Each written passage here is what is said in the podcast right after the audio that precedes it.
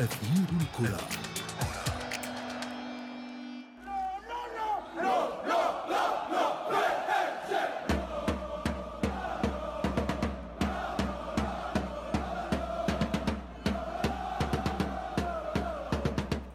أهلا بكم من جديد في أثير الكرة بالأمس.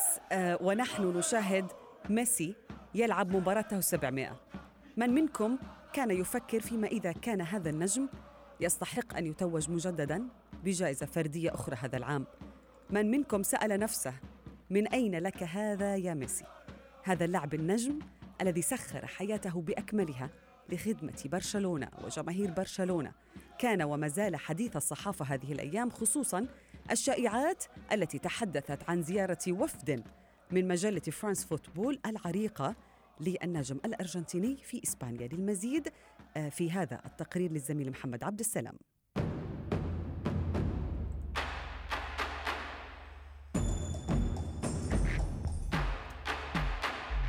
أيام تفصلنا عن تحديد هوية الفائز الرابع والستين بجائزة الكرة الذهبية التي تقدمها مجلة فرانس فوتبول هذا العام. ومن هنا بدأت الشائعات بشأن من سيظفر بها تطفو على السطح وبدأت معها التوقعات والتسريبات المعتادة بشأن الأفضل بحسب المجلة الفرنسية. ولكن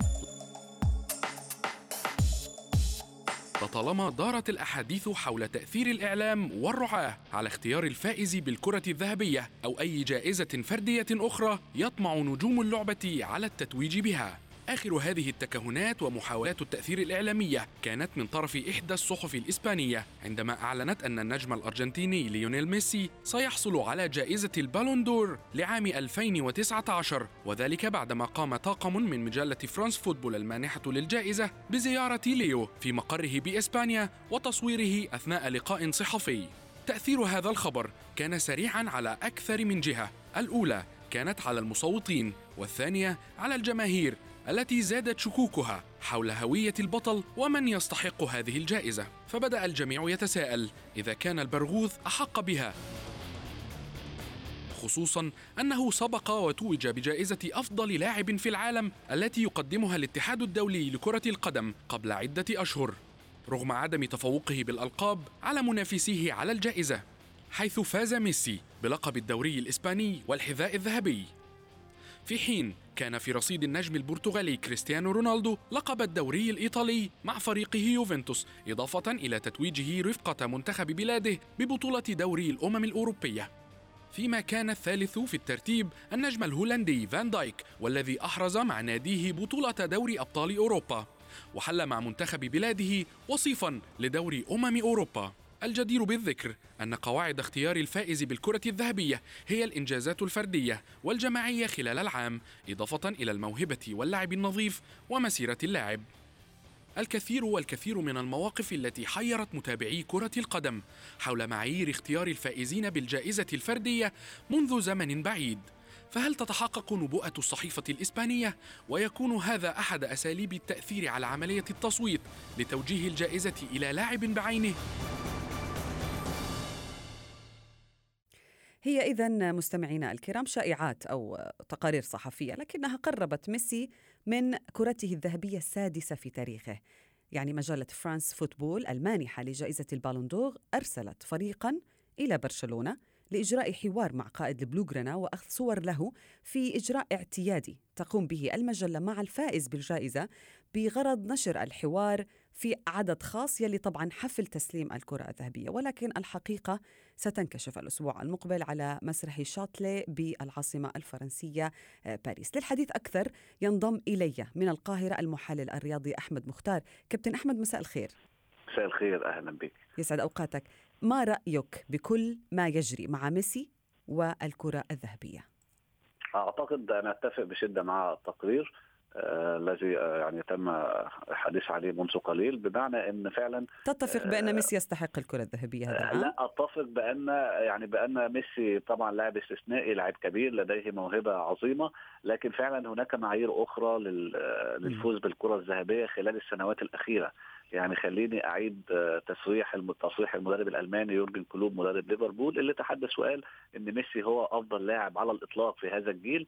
لكن إذا كانت بلغة المعايير السابقة أو الألقاب أو المستوى خلال موسم 2018 2019 فإن فان دايك هو الأحق بالفوز بالكرة الذهبية.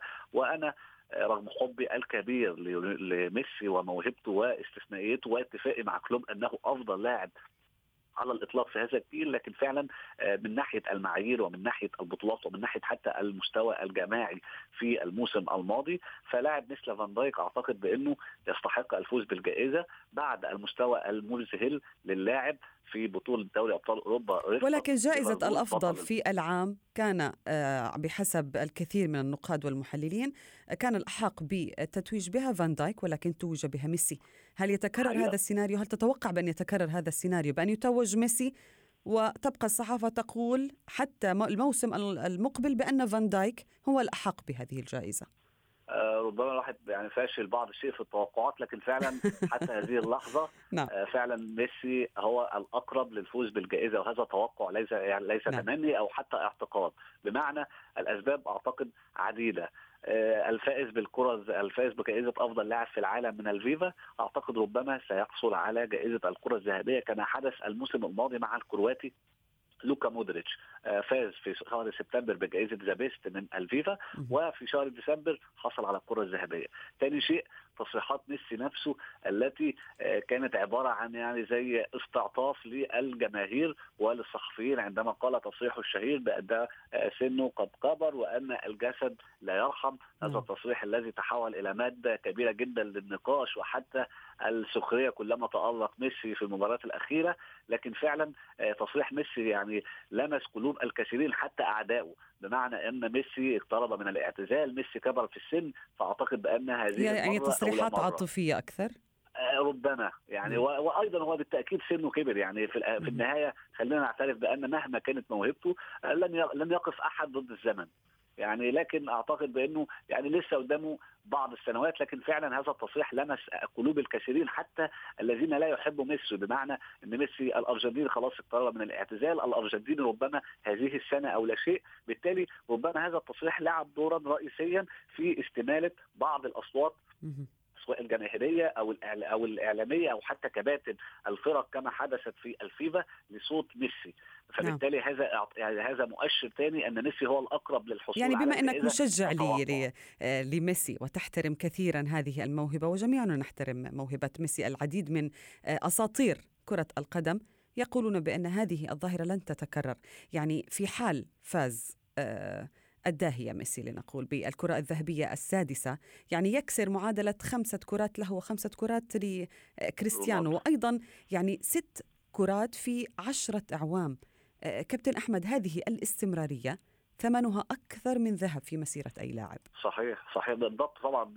هي ربما هي دي الجزء الذي يعني يرجح كفة ميسي ورونالدو مقارنة بالنجوم الحاليين وحتى الأساطير السابقين. بمعنى إننا يعني مارادونا حصل على كأس العالم في 86 مارادونا لديه مسيرة استثنائية يعني يصنفه الكثيرون كأفضل لاعب في تاريخ كرة القدم لكنه فعلا كاستمرارية في الملعب. هو لا يقارن في هذه الجزئية بلاعب مثل ميسي أو لاعب أو مثل كريستيانو رونالدو لأن هذا الثنائي فعلا منذ خلينا نتكلم نقول من من 2007 تقريبا لحتى هذا اليوم الثنائي يعني بيحقق أرقام مذهلة. أصبح التسجيل 50 و60 و70 هدف في العام هو أمر سهل أمر طبيعي. أصبح تسجيل 30 و40 هدف في بطولات الدوري المحلية أمر عادي وطبيعي. وبالتالي أن تتألق وتحافظ على مستواك لمدة لا تقل عن 10 سنوات مثل ميسي أو مثل كريستيانو هذا شيء يعني أعتقد إن هو فعلا استثنائي ولن يتكرر نعم. على الاقل على الأقل خلال العشر سنوات القادمين نعم. من كل اللعيبة اللي هي مستواها مميز أو اللعيبة لديها نقول المواهب أو القدرة اللي هي تكون أفضل لاعب في العالم لكن فعلا نعم. كل هؤلاء لا يملكون الاستمرارية أو العقلية التي تؤهلهما للحفاظ على القمة لمدة لا تقل عن خمسة إلى عشر نعم. سنوات. كابتن آه، أحمد يعني آه، إلى أي حد تلعب التقارير الصحفية في كتابة أحيانا مسيرة اللاعب. هم أحيانا يكتبون مسيرة اللاعب. يعني مش مثلا مجلة فرانس فوتبول لم تكتفي بهذا القدر من لخبطة الأمور بالنسبة للكرة الذهبية ولكن كشفت الأسبوع الماضي حوار مثير دار بين ليونيل ميسي ونيمار عبر واتساب. بعض المسجات عبر واتساب لا أعلم كيف تسربت ولكن هذه المسجات بعد هزيمة برشلونة الإسباني على يد ليفربول الموسم الماضي في نصف نهائي دوري أبطال أوروبا. الحوار كالتالي بأن ميسي كان يقول لنيمار سنحرز دوري أبطال أوروبا فقط إذا أنت كنت معنا. أريدك أن تعود وبعد عامين سأترك النادي وستأخذ أنت مكاني بعدها. يعني يرسمون مستقبل أندية مستقبل لاعبين. إلى أي مدى تؤثر الصحافة الأوروبية على هذه النجوم؟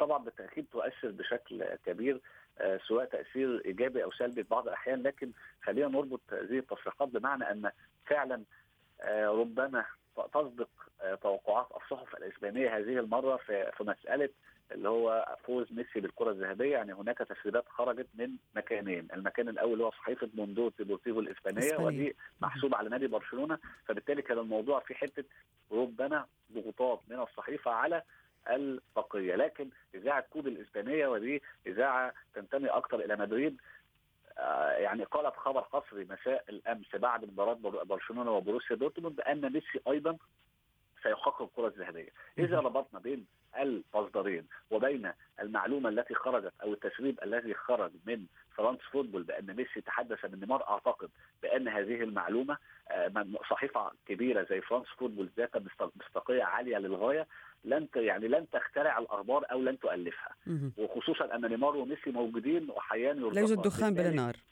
بالضبط فهناك إما نيمار هو من سرب هذه المعلومة لفرانس فوتبول أو ميسي. نعم. وهناك أحاديث أن فرانس فوتبول قامت بعمل لقاء حصري مع ميسي خلال الأيام الماضية بسبب فوزه بالكرة الذهبية. نعم. وبالتالي كل هذه الأمور إذا ربطناها ببعض رغم أنها تبدو على الورق أنها بعيدة أو غير متشابكة سنحدد أن هناك فعلا إمكانية فوز ميسي نعم. بالكرة الذهبية كتوقع. لننتظر لننتظر آه، ونرى ماذا سيحصل الأسبوع المقبل. أحمد مختار الصحفي الرياضي كنت معنا من القاهرة. شكرا لك.